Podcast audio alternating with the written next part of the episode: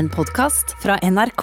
Peggy Hesten Følsvik er som leder for LO en av Norges mektigste. Hun starta sin karriere som kabinpersonale i Widerøe og ble kjent i offentligheten i 2001, da hun leda an kampen for de ansatte i Bråten Safe, som mista jobben sin da flyselskapet ble kjøpt opp. Siden har Følsvik via tiden sin til ulike verv i LO, og i 2021 ble hun leder.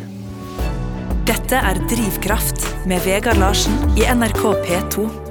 Peggy Hesten Følsvik, velkommen til Drivkraft. Tusen takk. Hvordan har du det? Nå har jeg det bra. Det er ganske hektiske dager for å bli ferdig med alt som skal bli ferdig eh, til jul. Så gleder jeg meg veldig til juleferie og kunne feire jul sammen med familien. Hva er det LO må få ferdig før jul?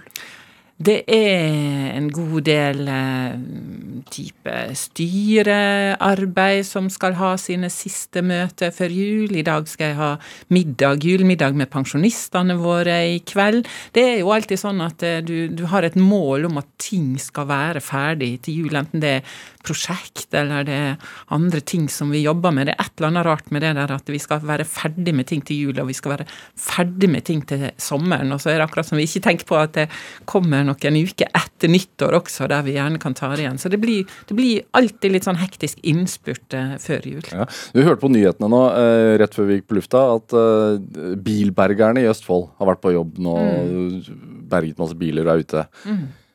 Vet ikke om de er LO-medlemmer, men, men kan være. Er, Ja, det tror jeg mange av de er LO-medlemmer. blir du Er du Blir du stolt?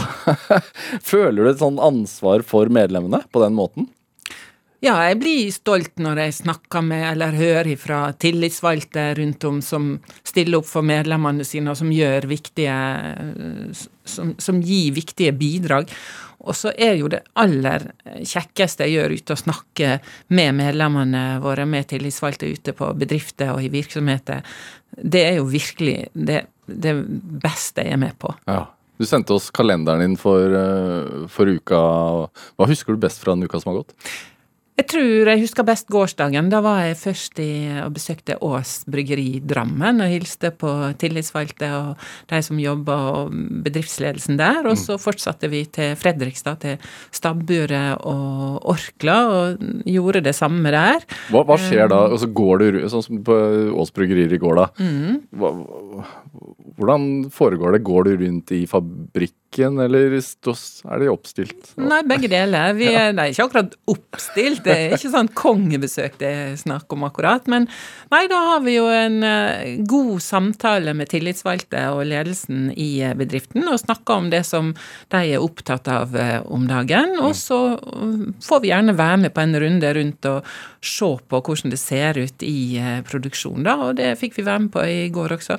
Traff en veldig hyggelig sunnmøring, faktisk, som da var ansvarlig for eh, selve produksjonen, og da hadde de ikke eh, de hadde ikke noe som sto å gjøre og gikk akkurat der og da, men vi fikk i hvert fall et inntrykk av eh, hvordan dette foregår. Så det, var, det er veldig spennende. Ja, er du personlig nysgjerrig? Ja. Hva var du nysgjerrig på? Du, det er jo eh, Jeg syns det er veldig artig å få lov til å skjønne mer av hvordan ting foregår. Hvordan lager de nå dette ølet? Hva er forskjellen på det? Hva foregår i produksjonen? Og ikke minst hvordan eh, jobber ansatte med dette her, ikke sant? Um, og det, det jeg lærer alltid ting når jeg er ute på den type besøk. Det er utrolig spennende å få lov å være med på. Enten det er på Johan Sverdrup i Nordsjøen, eller det på Ås bryggeri, eller på stabburet i går, og se hvordan de lager. Der hadde de, I går produserte de eh, sånne vegetarburgere. Og da oppdaga jo jeg at det har jo ikke jeg fått med meg, at, at stabburet produserer det, og at det faktisk er en ting som de selger mye av om dagen. da. Så nei, det er veldig, veldig spennende. Nei, hvor ofte er det du handler i butikken?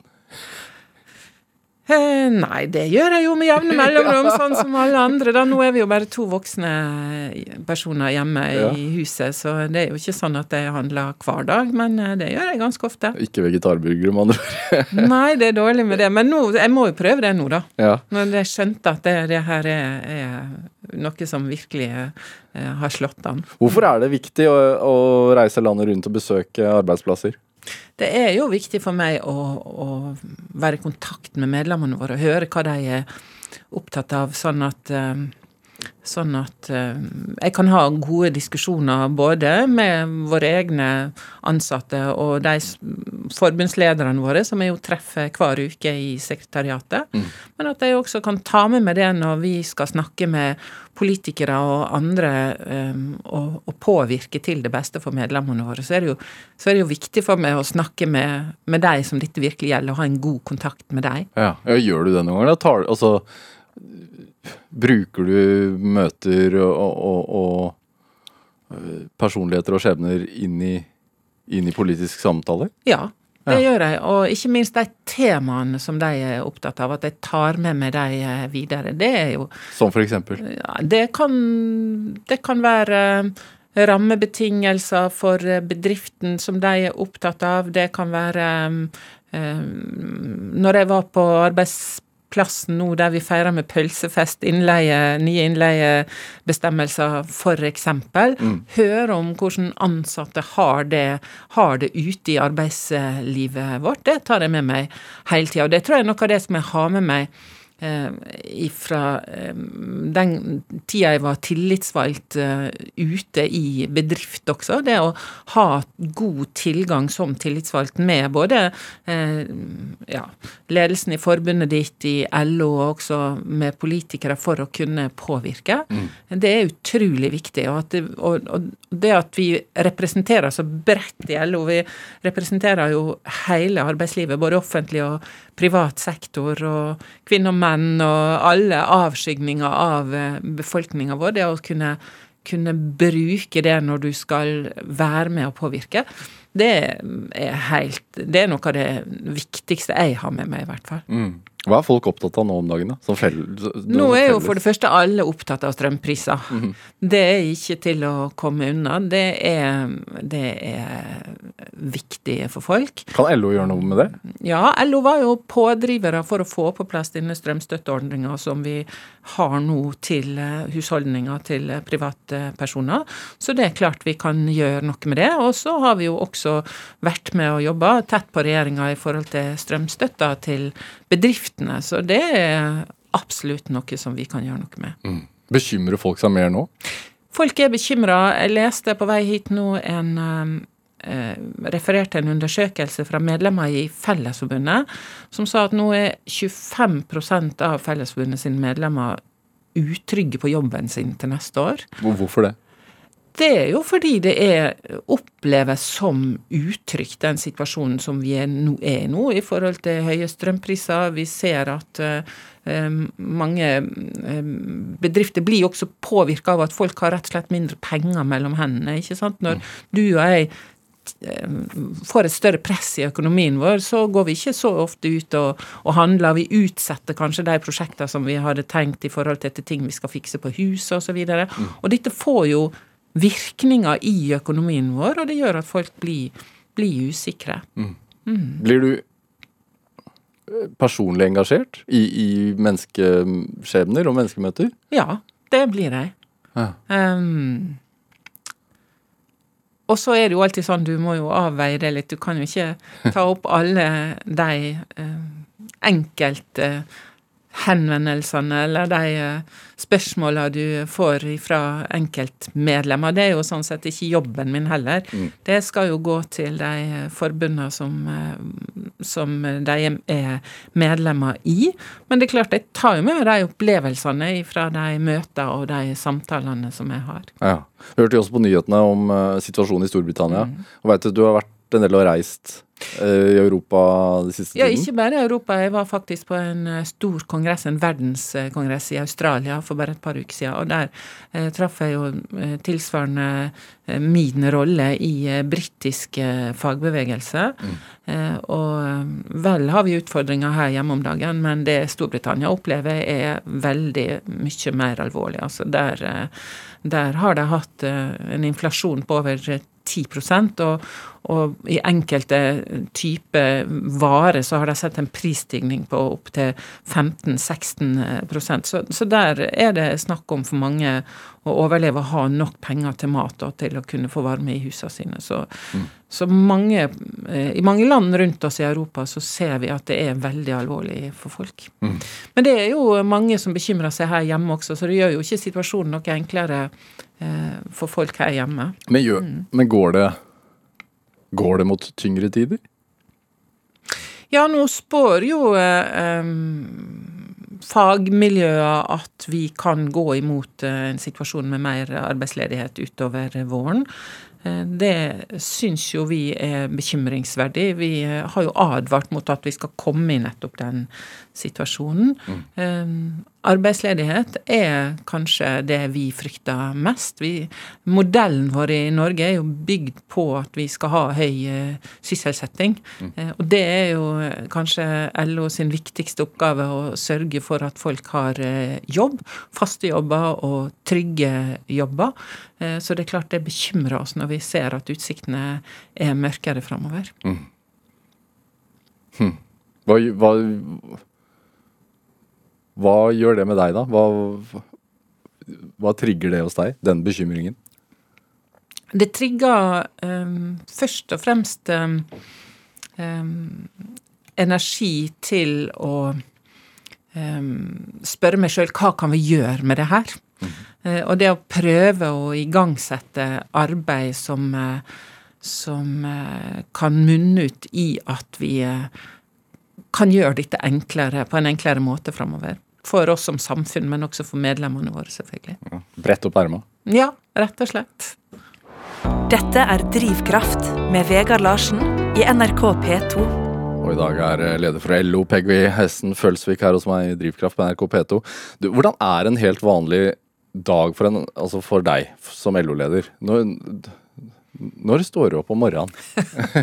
Jeg har et sånn ganske vanlig eh, morgenritual. Jeg jeg står opp eh, klokka seks, og så må jeg være, prøve å komme meg på jobb til klokka er åtte. Det går som oftest eh, veldig bra. Ja. Eh, og så er jo dagene mine stort sett eh, fullpakka av møter, enten interne møter i LO eller eksternt. Eh, Men det som også er så spennende med denne jobben, er at jeg veit jo aldri når jeg står opp om morgenen om hva som kommer til å møte meg utover dagen, og du kan være helt sikker på at det skjer et eller annet som jeg ikke er forberedt på, eller som vi må håndtere der og da, som du må tråkle innimellom alt det andre du egentlig skulle ha gjort. Så det er jo utrolig spennende, men også innimellom eh, ganske utfordrende. Men er du Så du er ikke noe rutinemenneske, med andre ord? Em, Hva, hva spiser du til frokost? Da eh, koker min kjære mann havregrøt til meg. Eh, det er Så snill er han, altså. Ja, ok, Så det er fast. Ja, det er fast. Ja, så det så må jeg ha kaffe. ja. Har du noen andre sånne faste ritualer for å liksom føle at dagen er litt den samme? Nei, det handler om å som sagt komme seg på kontoret og hente seg en kaffekopp og prøve å få oversikt over eh, hva som eh, skal skje utover dagen. dagen. Og så er jeg jo så heldig at jeg har et stort apparat eh, med fagfolk eh, rundt meg som hjelper meg til å forberede meg til alt som jeg da skal delta på, og alt som kommer som jeg ikke er forberedt eh, på. Så eh, Og så har vi faste dager i eh, LO som er ganske eh, Der vi har et eh, opplagt program. Mm. hver mandag så har vi det som vi kaller for sekretariatsmøte. Da samles alle forbundslederne våre eh, til et møte der vi samordner politikken vår og behandler høringer og saker. Så vi samles hver mandag klokka 11, spiser vi lunsj sammen, og så, og så har vi dette sekretariatsmøtet vårt. Så det er mandagen. Onsdagen har vi egentlig interne møter. De får ikke jeg være med på i dag, for de er her hos her, deg. ja. Så vi har noen sånne helt faste eh, punkt på eh, i løpet av uka. Men sånn som nå da, dere feira med pølser fordi at eh, Stortinget vedtar uh, forbud mot midlertidig ansettelse på Østlandet. Hvordan har dere det, altså aktivt jobbet for det?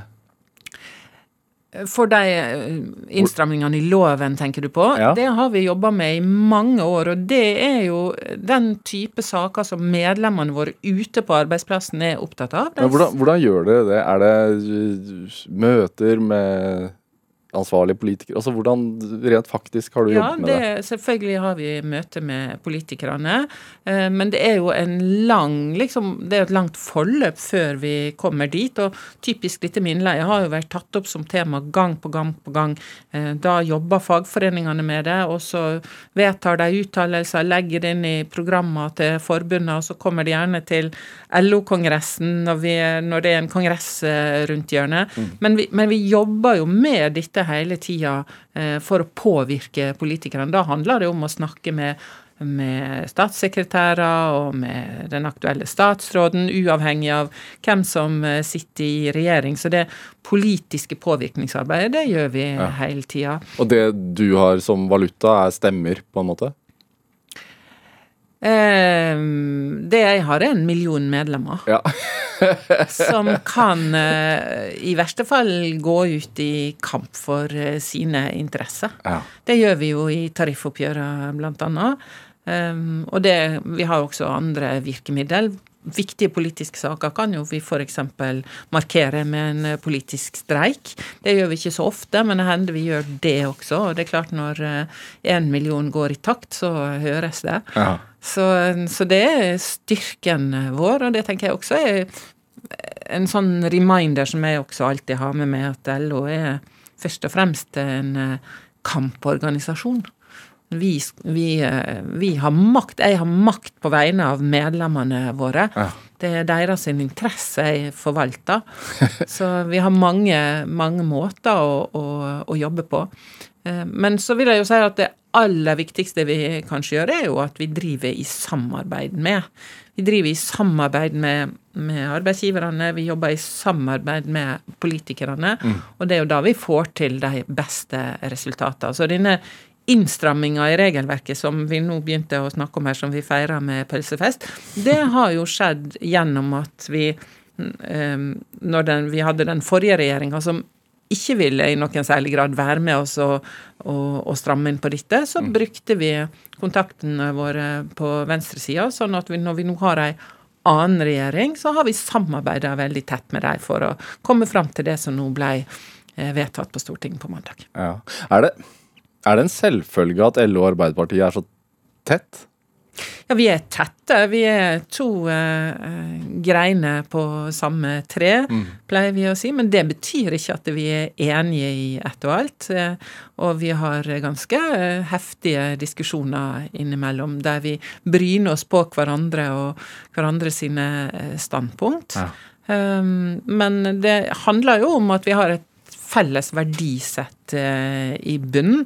Eh, og eh, det handler jo om også at gjennom det samarbeidet så får vi til ting som er bra for arbeidsfolk. Men, er det, men, er det, mm. men hvordan forholder du deg til eller at mange av medlemmene kanskje ikke i dag i så stor grad identifiserer seg med med det partiets politikk, da?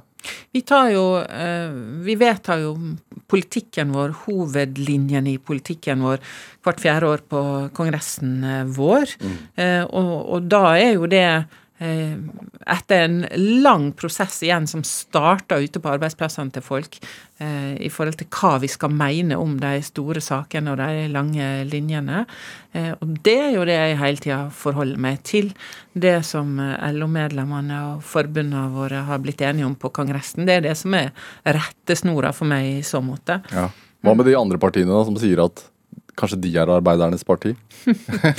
Ja, vi har samarbeid og, og samtaler. Ikke, ikke, så mye samarbeid, kanskje, men vi har samtaler eh, og dialog med Jeg skal ikke si alle partier, men med eh, Hvorfor ikke alle? Mange. Nei, det er ikke alle som er like interessert i å ha dialog med oss. Én million det medlemmer. Vi, eh, ja, men det ja. har vi stor eh, respekt for. Ja.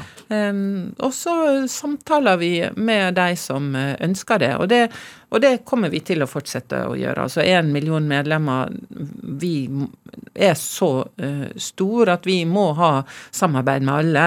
Og, og, det mener jeg i den perioden vi har vært igjennom også, med pandemi og med en regjering med Høyre i spissen, mm. viste jo at de gode resultatene fikk vi jo når vi samarbeida. Mm. Uh, og det gjorde vi virkelig. Det gjorde vi både um, oss og arbeidsgiverorganisasjonene og og den regjeringa for å klare å komme oss gjennom den pandemien på en måte som, som jeg tror vi gjorde på mange måter bedre enn mange andre rundt oss. Mm. Det med den makten du skisserer, som mm. du har, og mm. som LO har mm. Og det, det er mange medlemmer, og det er mange som også er bekymret, da. Mm. Er det Sover du like godt om natten nå som da du var nestleder? Vet du, Jeg er velsigna med et veldig godt sovehjerte. Så det er, og det er jeg veldig glad for. Stort sett så, så har jeg ikke noen utfordringer med å sove om natta. Det gjorde jeg ikke når jeg var nestleder, det gjør jeg ikke nå heller. Eh, men det er klart jeg bruker mye energi på å tenke på det om dagen. Mm. At det er mange som har det vanskelig eh, nå. Eh, og som også syns det er utfordrende å skulle gå inn i et nytt år der det er stor usikkerhet. For både personlig økonomi eh, Husholdningene i Norge har jo høye lån. Eh, og når folk da i tillegg blir bekymra for arbeidsplassen sin, ikke sant, så er det mange som kjenner på det om dagen. Hvilke egenskaper tenker du er viktig å ha da, som, som LO-leder? Jeg tror du må være glad i å snakke med folk. Du må være glad i å um, være tett på. Være tett på folk. Uh, og så ligger det jo uh, eh, Og så skal du også samordne 25 forbund som vi har hos oss, som kan være litt sånn i hver sin ende av streken i forhold til ulike saker som vi behandler. Så du må kunne også ha et litt sånn overblikk og kunne, kunne få folk til å, å, samarbeide og finne de gode løsningene. Um, og så hjelper det jo også å være Ja, ikke være konfliktsky, kanskje. uh, og også kunne trives med å kunne gå inn i forhandlinger når det trengs. Ja. Uh, hvis du ikke er glad i det, så tenker jeg at du kanskje ikke er helt på, på At du kanskje ikke bør sikte mot akkurat din eh, posisjon. Hva, hva, gjør deg, hva skal til for at du blir streng? Jeg er ikke så ofte streng. Eh, det var noen som spurte meg en gang om jeg ikke ble sint når jeg var i forhandlinger. Og det er litt sånn Da tenker jeg du har tapt litt. Hvis du liksom får, må være sint eller streng og, og, og sånn, da tenker jeg det er, ikke, det er ikke der du finner de gode løsningene. Men jeg kan nok være ganske bestemt av og til, og jeg kan nok også utfordre på at her må man kanskje leite et litt annet sted etter de gode løsningene hvis vi skal klare å være enige. Så jeg, så jeg har innimellom en sånn ganske sånn meglerrolle også, faktisk. Ja. Um, og, men det, det, er jo det som er variert, og som er så spennende også i, i denne jobben. Mm. Det er jo uh, Det har vært noen mark altså markante lederskikkelser i LO. Mm. Uh, Yngve Haagensen, Gerli Valla. Folk som Uten at jeg kjenner de personlig, så mitt inntrykk var at det var ikke noen pusekatter. er det Hvordan er din lederstil? Jeg tror jeg leder best når jeg har med meg andre. Mm. Når jeg eh, utnytter de mulighetene som er i det fantastiske laget som jeg leder. Enten det er forbundslederne mine, som jeg har med meg når jeg er i forhandlinger, f.eks., for eksempel, eller det er en eh, fantastisk eh, flott administrasjon som jeg også leder. Eh, det å kunne lede et lag det er en målsetting for meg. Mm. Mm. Men er det fare for at det blir for hva skal man si, politikerpratpreget?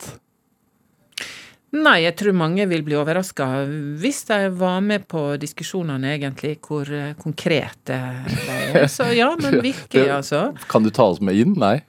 Jo, jeg kan jo gjøre det. Altså, vi jobber jo med alt, ikke sant. Ifra eh, hvordan skal vi uh, verve flere medlemmer. Det jobber vi jo med uh, helt konkret i forhold til uh, hvordan skal vi organisere de prosjektene når folk skal ut og verve medlemmer, ikke sant. Til at vi jobber faglig med ulike former for rammebetingelser eller eh, sikkerhet som folk opplevd, tatt av. Jeg kan ta um, Før jeg uh, tiltrådte som LO-leder, så var jeg jo annet ansvarlig for uh, luftfart, som jo er min gamle mm. bransje. Uh, og der uh, danna vi det som vi nå kaller for LOs luftfartsutvalg, som jobber helt konkret med forholdene innenfor luftfart. både ansettelsesvilkår, men, men, også faktisk med, med sikkerhet innenfor luftfarten. Og da er du jo helt nede på disse, vil jeg si, detaljene så, så, det som er så fantastisk med å jobbe i denne organisasjonen også, er at du liksom du beveger deg helt ifra det som er viktig for folk nede på arbeidsplassnivå, mm. og til at du er på de der politiske temaene som man kanskje tenker på eh, når man tenker på LO i offentligheten, da. Mm. Så det spennet der er jo eh, veldig, veldig spennende. Uh, Peggy Hessen Følsvik, vi skal spille litt musikk. Mm -hmm. du, har med uh, egentlig to låter her, så, så, vi kan velge. Du har med en Ane Brun-låt som heter mm. You Lit My Fire, og så har du med en Annie Lennox-låt. Hvilken skal vi velge? Nei, jeg syns vi kan begynne med Ane Brune.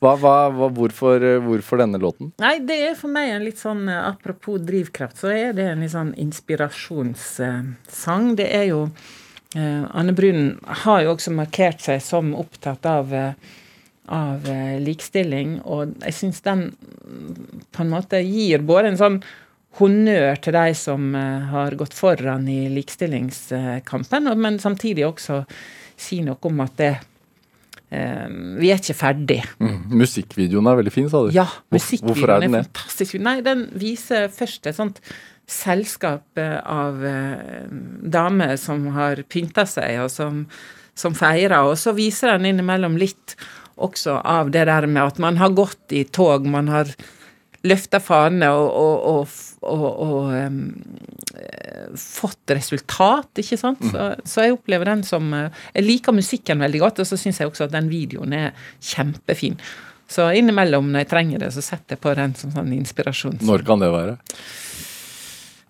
Eh, ja For eksempel når jeg skulle forberede meg til 8. mars i vår, mm. så spilte jeg den. Og skrev talen? Ja. ja. La oss høre.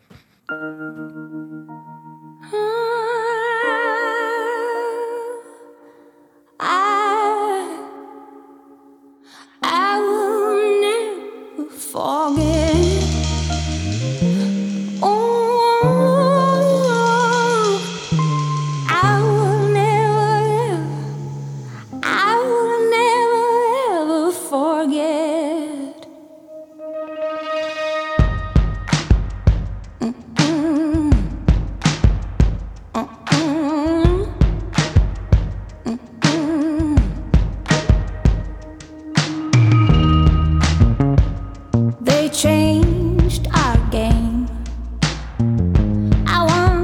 guess the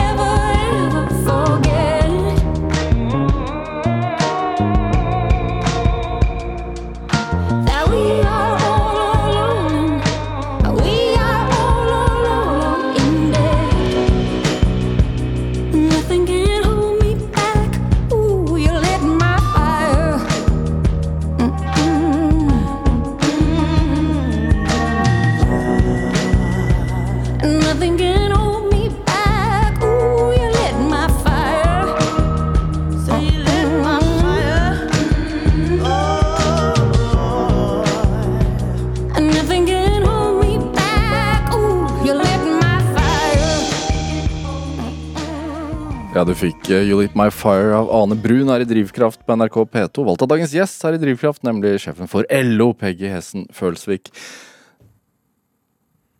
You Lit My Fire, ja, synger hun. Kampen er ikke over. Hva Hvorfor er du så opptatt av det? Altså du, Kampsaken, arbeidsrettigheter eh, Kampen mot urettferdighet, da, for å si det sånn. Hva, hva, hvis du skal spore det tilbake i deg selv, siden dette heter drivkraft, hvorfor tror du at du er så opptatt av det? Jeg tror det handler om noe så enkelt egentlig som engasjement. Eh, og akkurat det med å, å jobbe gjennom fagbevegelsen og som tillitsvalgt starta jo eh, for min del eh, veldig tidlig. Jeg, Hva er tidlig? Ja, jeg ble jo Den gangen når jeg første gangen var ute i arbeidslivet, da var jeg jobba som sommervikar, ferievikar på flyplassen på Vigra, rett ved der som jeg vokste opp. Hva slags, hva, sånn, hva slags plass er dette her? Eh, det jo, var jo den gangen, og er sikkert fortsatt, den største arbeidsplassen i Giske kommune. Mm. Eh, så det var jo mm, veldig vanlig at folk den gangen eh, kanskje hadde det som en slags type bijobb. Da var det jo mange som var gårdbrukere eller fiskere, og som jobba på, på flyplassen ved siden av i utgangspunktet. Og jeg var jo av de heldige da som fikk eh, sommerjobb der. Hvor gammel var du da? Da var jeg 18. Ja. 17-18. Og det var jo veldig, veldig spennende. Eh, men da var det sånn at du fikk innmeldingsblanketten til fagforeninga i hylla di sammen med ID-kortet ditt, og det var helt naturlig. Sånn var det. Var, det, det, var det en slags hjørnestensbedrift? Ja, det var nok, eh, som jeg sier, det var nok den største arbeidsplassen i eh, Giske kommune. Hvor mange eh, bor du der?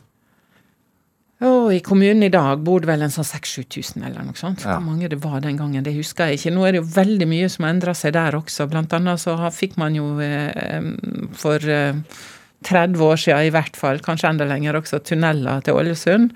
Det er jo ei historie for seg sjøl, men den gangen så måtte man jo ta ferge da fra flyplassen og, og inn til, til, byen og motsatt. Så det, så det, var, en stor, det var en stor arbeidsplass. Mm. Hvordan, hva, hva slags hjem vokste du opp i? Var det en gård? Ja. Ja. Jeg vokste opp eh, på en gård sammen eh, Vi bodde der sammen med besteforeldrene mine, som drev gården når jeg var liten. og så Farmor og farfar, eller morfar? Farmor og farfar. Ja. Og så tok eh, um, faren min og mora mi over den gården. Hva slags gård? Det var et uh, lite småbruk, sånn som de aller fleste på Vestlandet hadde vel noen kyr og ja, litt ungdyr og Bestemora mi hadde noen høner, husker jeg. Og, ja. Ja, så mange levde, levde ikke fullstendig av gården? Nei, den gangen så gjorde man eh, jo det, men eh, mor mi jobba også ved siden av. Jobba på butikk og gjorde litt eh, Jobba i Posten og litt sånn forskjellig. forskjellig. Så det var nok en sånn kombinasjon den gangen også, sånn som det også er i dag. Mm. Var du tett med besteforeldrene dine? Ja, vi vokste jo opp i samme hus, så det vil jeg jo si at det var. Hva lærte du av de? Um, Bestemora mi lærte blant annet veldig mye sånn type håndarbeid og sånn, så jeg kan både strikke og hekle og brodere. Og Gjør du det i dag? Nei. Kanskje jeg skal begynne med det når jeg blir pensjonist, kan jeg begynne å brodere duker og sånn. Nei, nei, jeg gjør ikke det i dag. Det har jeg rett og slett ikke tid til. Men, eh, men jeg lærte veldig mye sånn gammel tradisjonshåndverk. Matlaging, ikke minst. Um, Som for alt det som skal gjøres på en gård. Var med på å slakte og tilberede kjøtt og mm, blodpølse og i det hele tatt. Så nei, det Lager du noe av det i dag, da? Jeg lager pølse til jul. Ja. Blodpølse? Må- Nei, ikke blodpølse. Det, det har jeg ikke tatt med meg, for å si det sånn. Men vi har ei spesiell pølse som må på plass til jul, som man lager ute på øyene utafor Ålesund der, da, som heter vigramør, eller grismør. Og det må jeg ha. Den må jeg lage sjøl, sånn at jeg får den helt ordentlig. Så Hva er spesielt med den, da? Nei, det er noe med krydder og blandinger som, er, som bare er helt egen. Ja. Og i gamle tider så var det jo faktisk sånn også, har jeg fått meg fortalt, at gårdene der ute hadde ulike krydderblandingene, Så dette var en spesiell greie, da. Så søstera mi bor i Sandefjord, så vi samles da i desember hvert år og produsere en sånn 20-30 kilo med vigramør. Så det må til.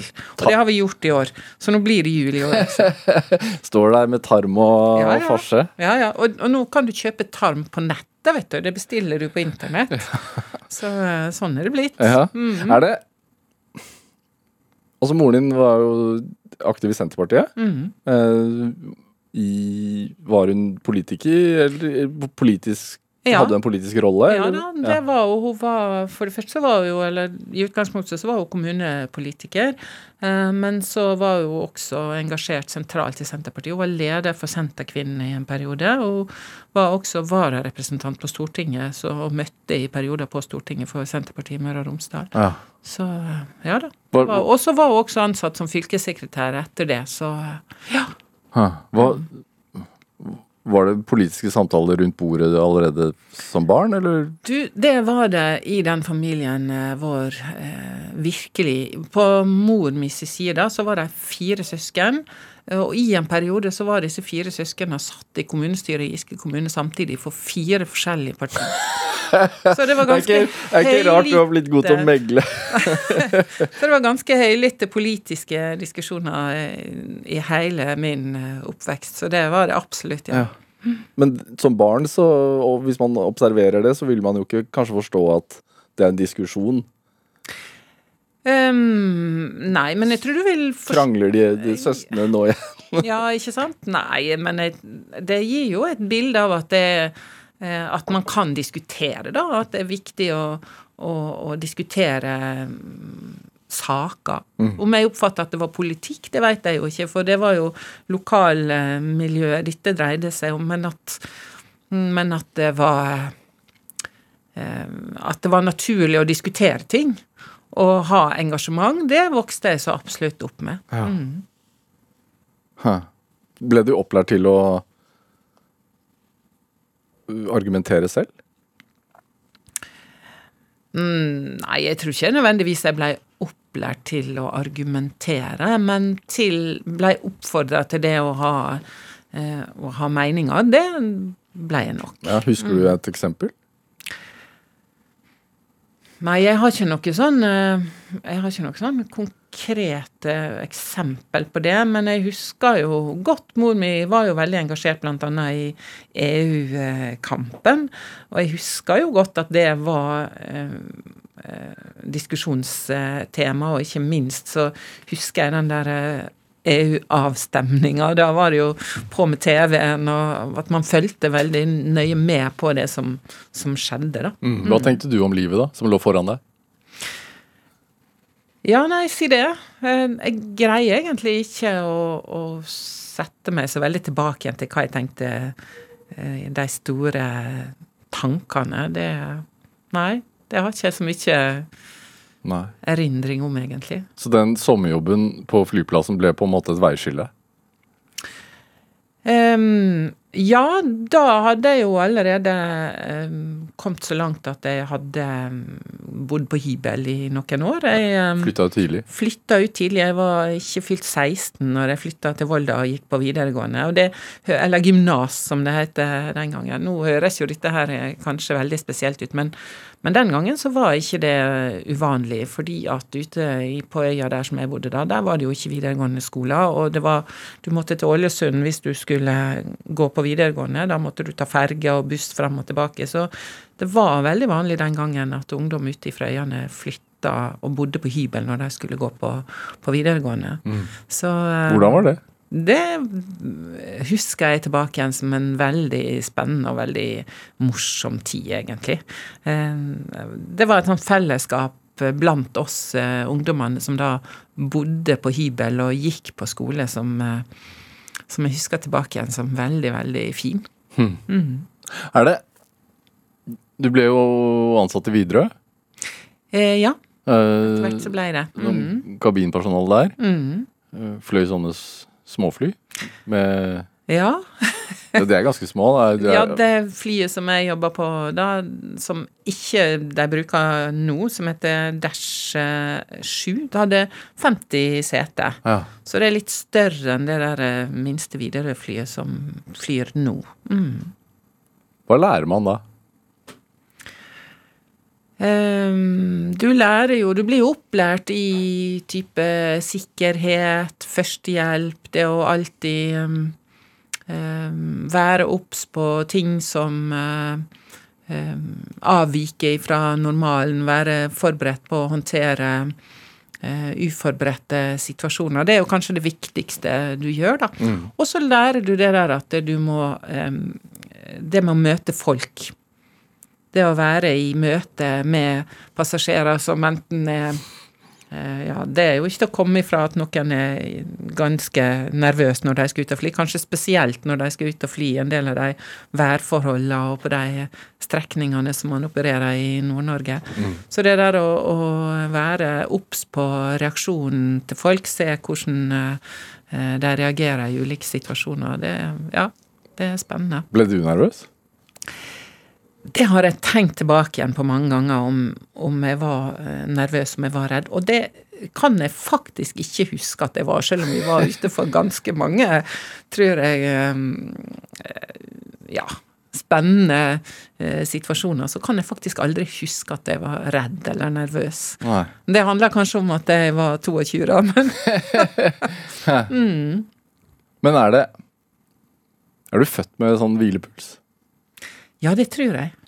Det tror jeg egentlig. Og det eh, har jeg med meg, eh, spesielt når jeg går inn i forhandlinger, så, så har jeg tenkt noen ganger at det, egentlig så går jeg ned på litt sånn der hvilemodus eh, i puls når jeg skal inn i den type settinger, da. Så det er egentlig litt rart. Kan hende at landingshjulene ikke kommer ut, men eh, jeg tar det rolig. ja, ta en ting om gangen. Det er sånn vi må gjøre det. Det med um, fagforening eh, Som du sa, det var helt naturlig å melde seg inn, for det lå i postkassa når man begynte der. Og i starten så hadde man kanskje ikke noe forhold til hva det handlet om engang. Når var det du forsto betydningen av det? Ja, Det tror jeg var når jeg begynte i Widerøe, fordi vi var jo det første kullet med kabinansatte som eh, blei ansatt i Widerøe, og dermed så hadde man jo liksom ikke noe avtaler eller, eller noen sånn struktur for det, da. Så vi eh, skjønte jo ganske fort at hvis vi skulle være med på å påvirke arbeidsvilkårene våre, enten det var lønn eller det var andre ting som var viktig i hverdagen vår, så måtte vi eh, danne en fagforening. Så det gjorde vi.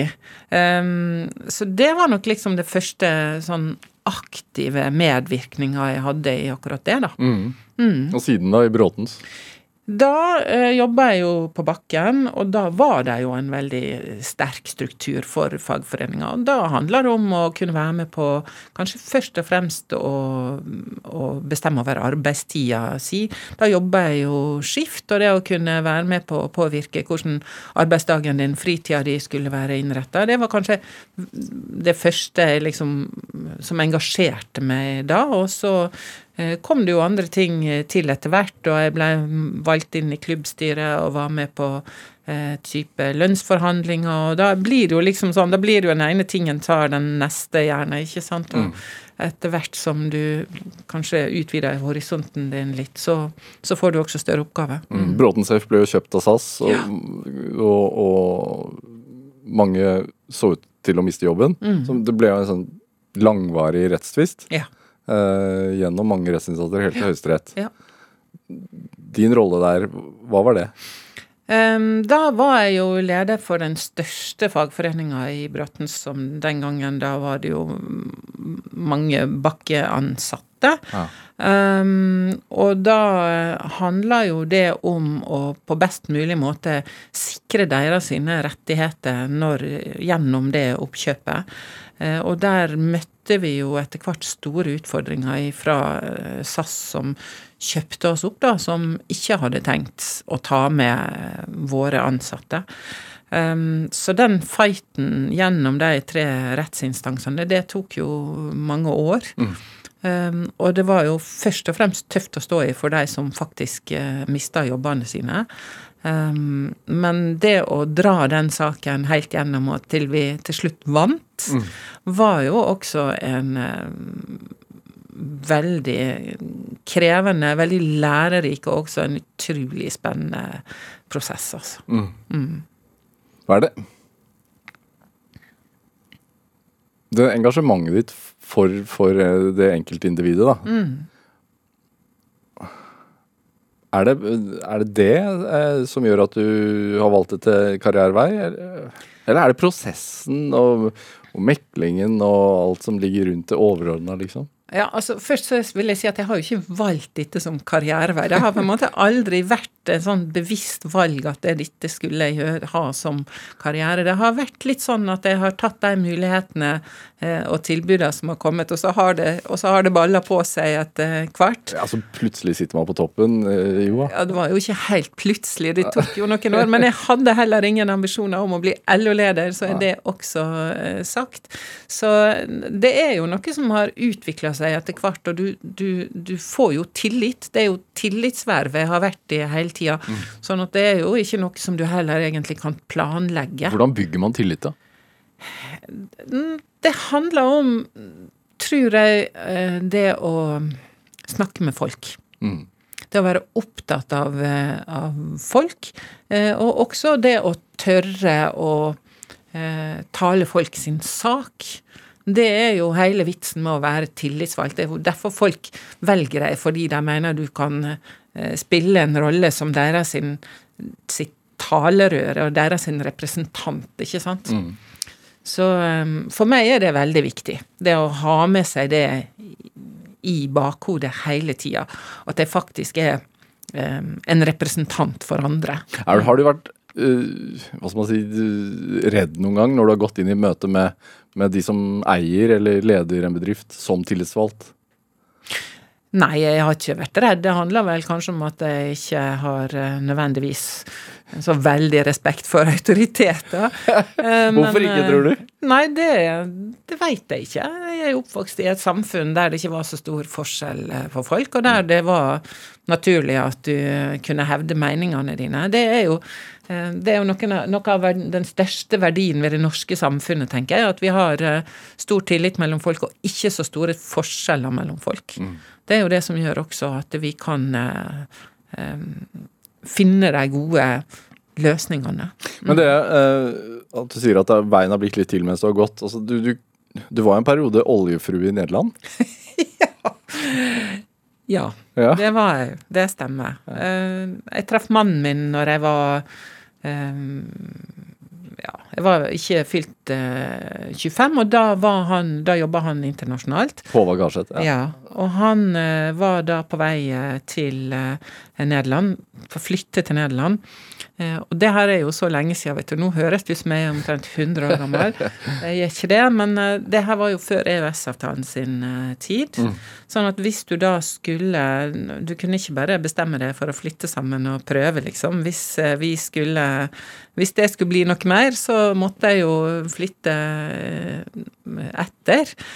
Så da gifta vi oss, og så flytta jeg til Nederland, og så hadde vi et år der. Hvor i Nederland var det? Eh, det var i Groningen, oppe i Nord-Holland. Ja, hva gjorde du på det året? Ja, si det. um, det var jo ikke mulig å jobbe. Um, og det her var jo også før internett sin tid, så det var jo også vanskelig å tenke seg at du skulle kunne uh, delta i studier eller denne type ting. Så det gikk jo mye tid til uh, ja, være sammen med andre som var i samme situasjon som deg. Um, prøve å lære språk. Jeg gikk på sånn kommunalt nederlandsk kurs. Mm -hmm. Det var veldig spennende å sitte rundt bordet og, og tjene, trene på sånne lyder. Så det var jo fint. Så lærte jeg litt nederlandsk. Og så um, ja så jeg på eh, Det her var jo begynnelsen på såpeseriene. Så det var en sånn australsk serie som gikk på nederlandsk TV da, om en sånn flyplassmiljø. Jeg tror det var sånn én episode om dagen. Forferdelig dårlig. Men det satt jeg jo da og fulgte med på egentlig lengta hjem igjen også. Det må jeg innrømme. Ja. Det, var, det, var, en veldig spesiell situasjon å, å, å komme i. Men det, det er jo en privilegert livsstil på mange måter. da, altså sånn, Man trenger ikke å jobbe. Man kan Sysle med egenpleie og holde på med sitt. Lakke negler, altså. Lakke negler. Gå på butikken. Eh, kose seg. Hvorfor passet ikke det deg? Nei, det var nok Jeg innså nok ganske fort at jeg trengte mer utfordringer enn det, det livet kunne gi meg. Hvorfor det? Um, nei, det er altså jeg var jo vant med å klare meg sjøl. Selv om jeg var bare 25 år gammel, så hadde jeg jo både vært mange år ute i arbeidslivet og vant til å både forsørge meg sjøl og klare meg sjøl. Så det å liksom se for seg framtid der jeg skulle være hjemmefrue og avhengig av um, mannen min sin inntekt, det var, det var ikke det var ikke noe som jeg så for meg var mulig, rett og slett. Nei. Er det Har du noen hobbyer ved siden av jobben? Jeg har, eh, jeg har jo for så vidt det. Jeg er jo veldig glad i å være ute i eh, skog og mark og prøve å trene litt, og glad i å lese. Um, ja.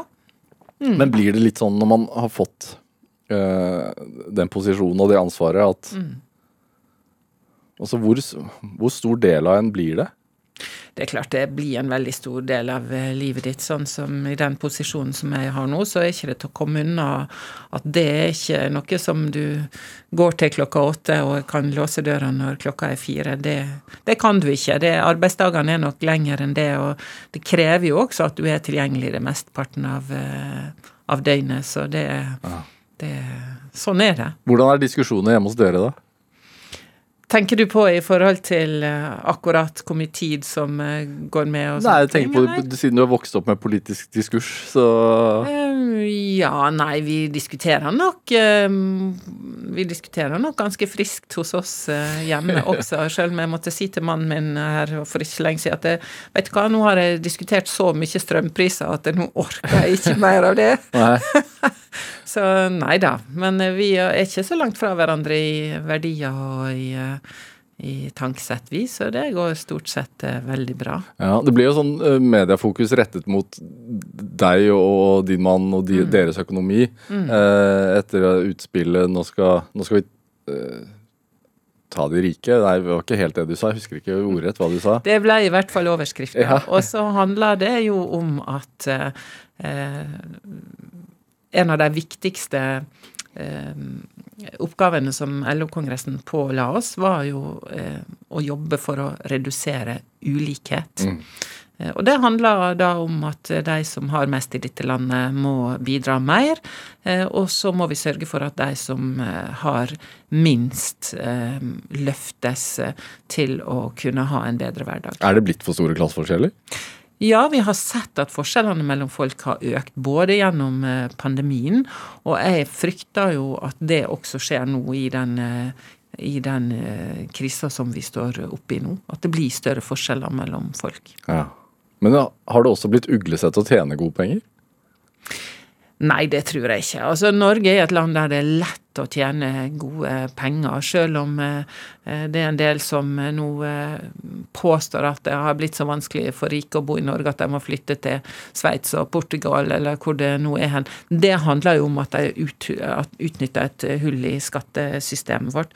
Men stort sett så er det veldig lett å tjene penger i Norge. Vi har en modell i Norge der det er lett å også både skape arbeidsplasser og bedrifter.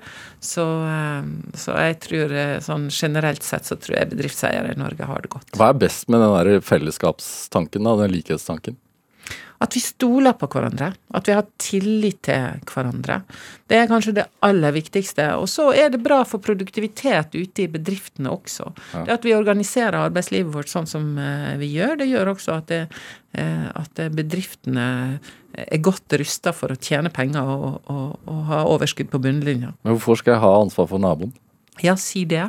Eh, jeg mener jo det er en selvfølge. Det ligger jo i, eh, eh, i grunnverdiene våre. Det å, å, å, ha ansvar for også de som er ved siden av deg. Hvis ikke så får vi et, får vi et samfunn der vi til slutt blir bare én og én, og ikke klarer å ta vare på hverandre. Det er ikke et samfunn som jeg har lyst til å bo i. Nei. Per Gesten Følsvik, hva, hva tenker du er drivkraften din? Engasjement og interesse for andre folk. Ja. Mm. Hva er du mest stolt av å ha fått til nå, da, i din relativt korte tid som leder? Jeg er stolt av at vi har gjennomført en eh, LO-kongress der vi fant veldig gode løsninger på mange utfordrende spørsmål. Det er jeg veldig fornøyd med. Og snart er det jul. Da får du fri. Ja. ja. Da blir det pølse. Da blir det pølse. Peggy Esen eh, Følsvik, tusen takk for at du kom til Drivkraft. Tusen takk. Hør flere samtaler i Drivkraft på nrk.no eller i appen NRK Radio. Send oss eh, gjerne ris eller ros, og tips til mennesker du mener har drivkraft. Send den e-posten til drivkraftalfakrøll.nrk.no. Vi hører veldig gjerne fra deg. Produsent og researcher i dag, det var eh, Camilla Bollingmuir. Jeg heter eh, Vega Larsen. Vi høres. Du har hørt en podkast fra NRK. De nyeste episodene hører du først i appen NRK Radio.